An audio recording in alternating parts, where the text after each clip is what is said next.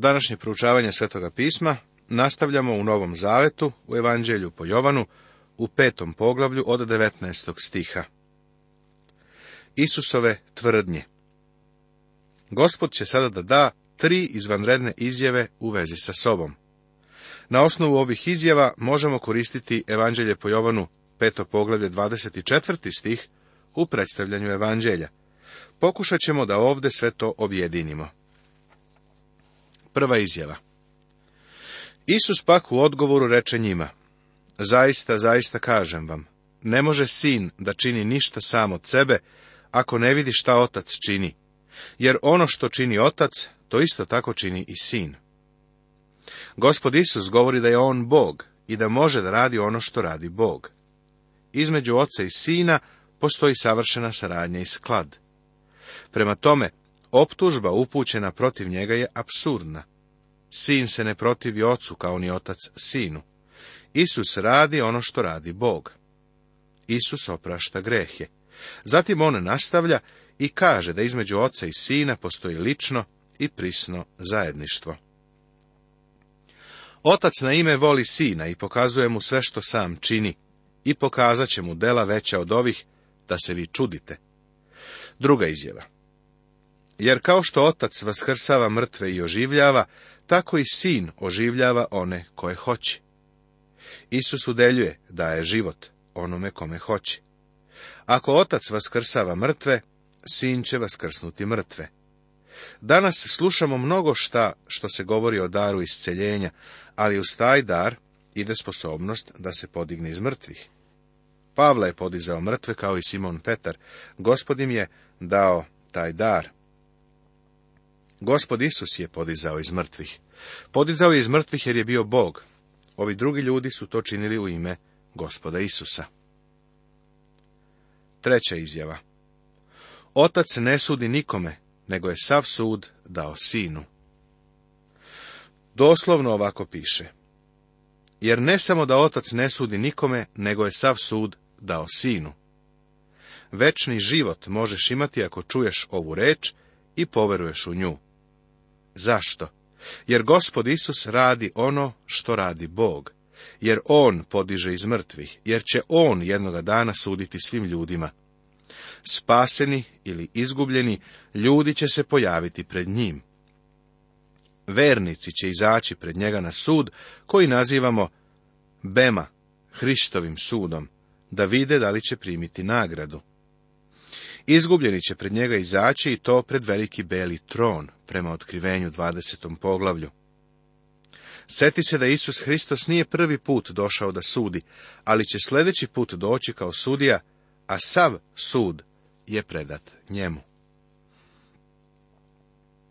Isus se definitivno izjednačuje sa Bogom. Da svi poštuju sina kao što poštuju oca. Ko ne poštuje sina, ne poštuje ni oca, koji ga je poslao. Na osnovu ove tri tvrdnje, ova tri velika principa, on produžava i daje ovu sljedeću izjavu u stihu 24. koja se tako mnogo danas upotrebljava u ličnom radu.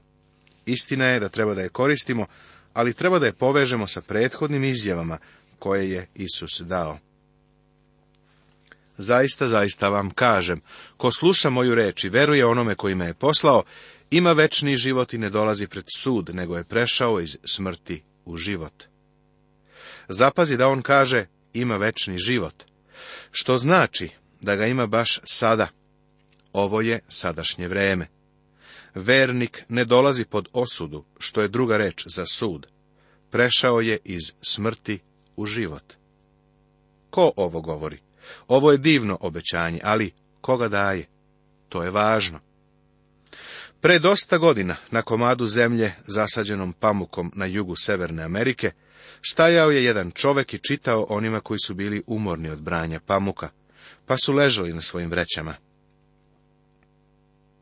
Čitao je, dođite k meni svi koji ste umorni i opterećeni i ja ću vas odmoriti. Jedan čovek je ustao sa vreće sa pamukom i rekao baš dobre reči, ali ko ih je rekao? Stvarno su ovo dobre reči. Ko sluša moju reč i veruje onome koji me je poslao, ima večni život i ne dolazi pred sud, nego je prešao iz smrti u život. Ko ih je izgovorio? Hristos nam je dao tri tvrdnje o sebi samome, a koje su temelj za ovaj stih. Isus je Bog, On podiže mrtve i On će suditi. On čini da su ove reči stvarno divne. Sada Isus nastavlja i daje sljedeću divnu izjavu. Zaista, zaista kažem vam da ide čas, i već je nastao, kada će mrtvi slušati glas Sina Božija, i koji ga čuju, živeće. Ne čudite se ovome, jer ide čas u koji će svi koji su u grobovima čuti njegov glas. Šta misli kada u 25. stihu kaže čas već je nastao? Mi smo u tom periodu kada nastaje čas. Stih 28. jasno pokazuje da čas još nije stigao, ali ide čas. Smisao je u tome da živimo u periodu ili dobu ili razdoblju koje ide ka vremenu kada će svi koji su u grobovima čuti glas Sina Božjega i oni koji čuju, živeće. Ako se mi nalazimo u tom periodu časa koji nastaje, šta onda on podrazumeva pod onim i već je nastao? Ko su mrtvi koji čuju njegov glas? U Jovanu 11. poglavlju, gde imamo događaj u kome je Isus podigao Lazara iz mrtvih, setit ćeš se da je on u vreme Lazareve smrti rekao dvema sestrama. Reče joj Isus, ja sam vaskrsenje i život, ko veruje u mene živeće, ako i umre. I svaki koji živi i veruje u mene neće umreti do veka, Veruješ li to? Ako i umre, da li to znači da osoba u grobu čuje? Ne, ne, ovo se odnosi na duhovnu smrt. Smrt je odvojenje od Boga. Dolazi čas kada će oni koji su u grobu čuti njegov glas i živeći se. Ali sada je čas kada oni koji su duhovno mrtvi čuju njegov glas i žive. Pavla je Efestima napisao da su mrtvi u gresima i prestupima. Ovo je duhovno stanje svih. Ali tada, ko sluša moju reč i veruje onome koji me je poslao, ima večni život i ne dolazi pred sud, nego je prešao iz smrti, iz duhovne smrti u život, u život koji on daje. Tako, u stihovima 25. i 28. on govori o dve odvojene stvari. Sada je vreme kada Hristos daje duhovni život. Dolazi čas kada će on podignuti mrtve iz groba. Jer kao što otac ima u sebi život, tako je dao i sinu da ima život u sebi. Dao mu je i vlast da sudi, što je sin čovečiji. Vidiš, gospod Isus je životodavac. Ne samo da ima život, nego i daje život. Također, on ima pravo da sudi. Prvi put je došao kao spasitelj, a ne da sudi, ali sljedeći put će doći kao sudija. Tada će oni koji su u grobovima čuti njegov glas. Ne čudite se ovome, jer ide čas u koji će svi koji su u grobovima čuti njegov glas, pa će vaskrsnuti za život oni koji su činili dobro, a zločinci će vaskrsnuti za sud. Ovde se spominju dva suda. Knjiga Otkrivenja je čak određenija i opisuje završetak prvog vaskrsenja i drugog vaskrsenja. Prvo vaskrsenje je vaskrsenje svih spasenih, prva faza, odnosno sljedeće što je na Božijem rasporedu. Nazivamo je uzdignućem crkve. Uzdignuće je dobar prevod grčke riječi harpazo. Apostol Pavle je tu reč upotrebio u prvoj poslanici Solunjanima u četvrtom poglavlju gdje kaže da ćemo biti odneti, odnosno podignuti, uzdignuti. Uzdignuće će se odviti u nekom momentu budućnosti. Nije naveden ni znak, ni datum. Može se desiti svakog trenutka. On će one koji mu pripadaju pozvati iz sveta i žive i mrtve. To je deo prvog vaskrsenja. Zatim u vreme velike nevolje mnogi vernici će postati mučenici. Na kraju perioda velike nevolje bit će podignuti sa starozavetnim svetim ljudima. I ovo pripada prvom vaskrsenju. Biće podignuti da bi zauvek živeli na ovoj zemlji. To je prvo vaskrsenje. To je vaskrsenje života ili vaskrsenje za život, kako ga je gospod nazvao. Zatim ide vaskrsenje za sud, a to je sud pred velikim belim tronom, kada će se podignuti svi nespaseni ljudi iz svih doba. Oni su želeli da im se sudi po delima, pa će im se tako i suditi. Staće pred Boga koji je pravedan. Imaće priliku da stanu pred svetog Boga i da iznesu svoj slučaj. Ali Bog ih je već upozorio. Na tom sudu nema spasenih. Tu se dovode samo izgubljeni. Sudit će im se po njihovim delima, postoje različiti stepeni osude. Ja ne mogu da činim ništa sam od sebe.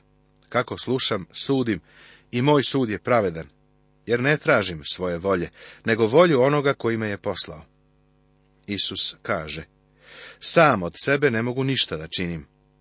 To je njegovo samo ograničenje, kada je došao na ovu zemlju i na sebe uzeo ljudsku prirodu.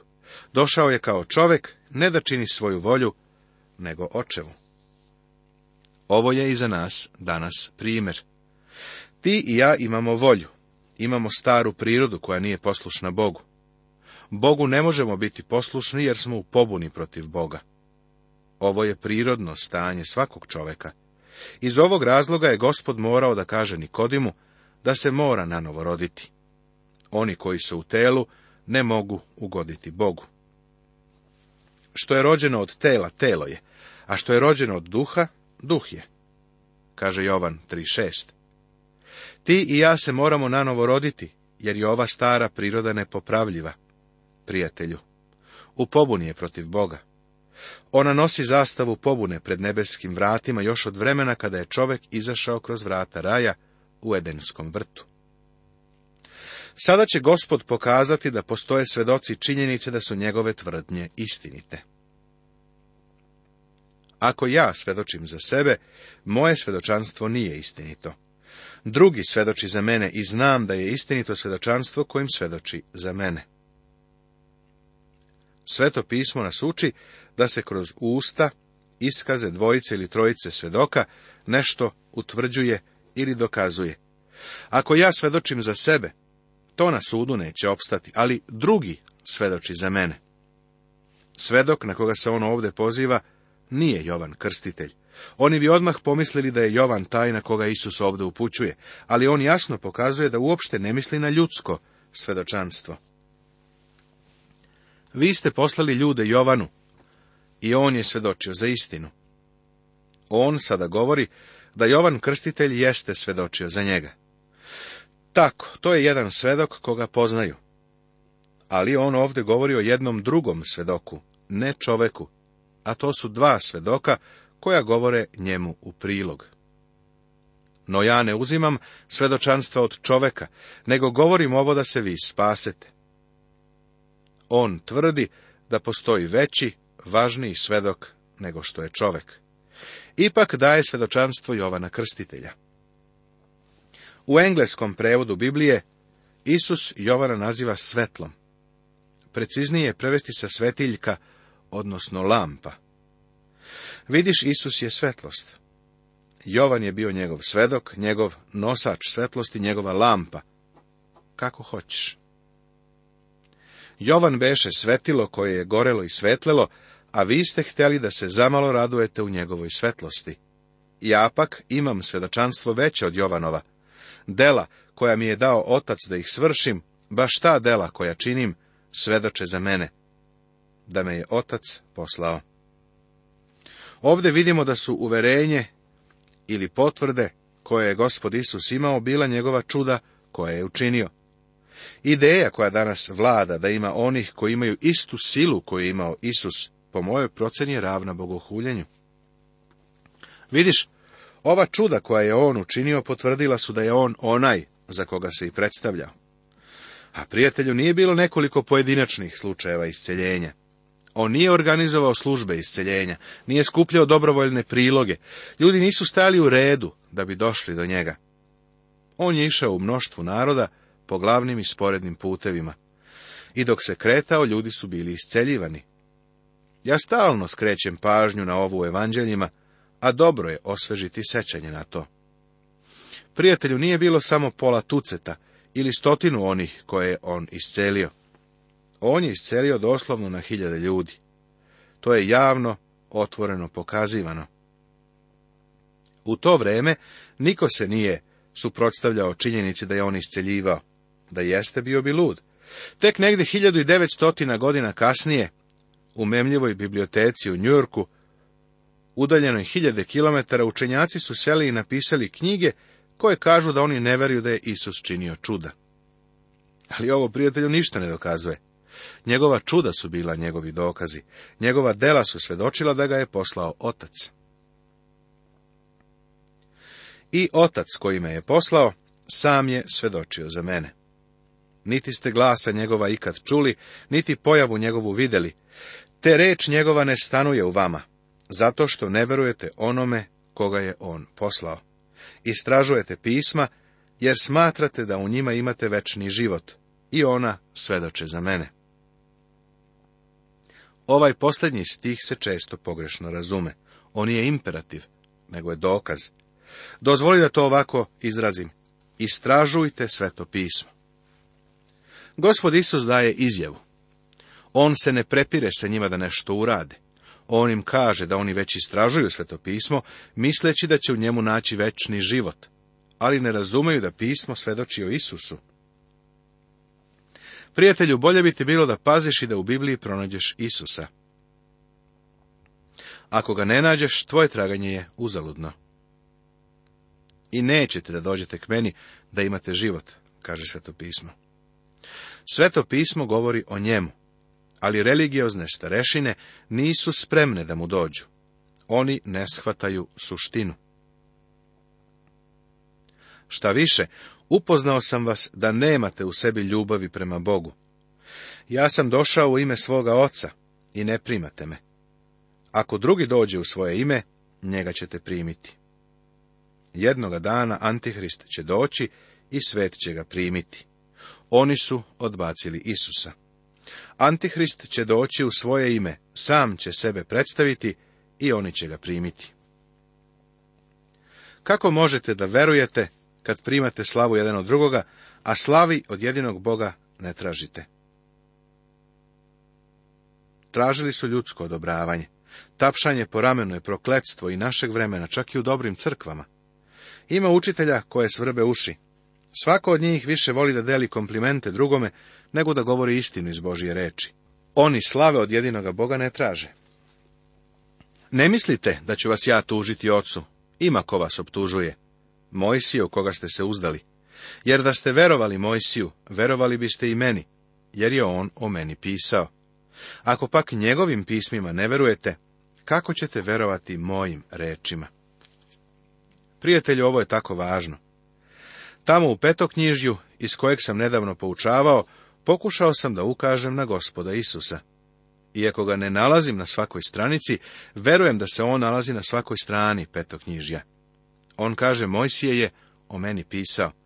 Mislim da se Isus nalazi na svakoj stranici Biblije. Kada čovjek počne da napada stari zavet, pazi. On tada vrlo suptilno napada gospoda Isusa Hrista. Plašim se da ima mnogo ljudi koji vrlo nerazumno sumnjaju u stari zavet i pritom ne shvataju šta čine. Ovo je slično čoveku u bolnici za mentalno obolele, koji je kopao temelj. Naišao je drugi čovek koji ga je pitao, zašto se trudiš da iskopaš temelj? Zar ne živiš u zgradi? Živim, odgovorio je, ali ja živim na spratu. Plašim se da mnogi nerazumni ljudi govore, ali ja živim u novom zavetu. Prijatelju, stari zavet je temelj. Gospod je rekao, ako pak njegovim pismima ne verujete, kako ćete poverovati mojim rečima? Ovo dvoje je nerazdvojno. Poglavlje šesto Tema Isus hrani pet hiljada ljudi pored Galilejskog mora. Četvrto delo i reč.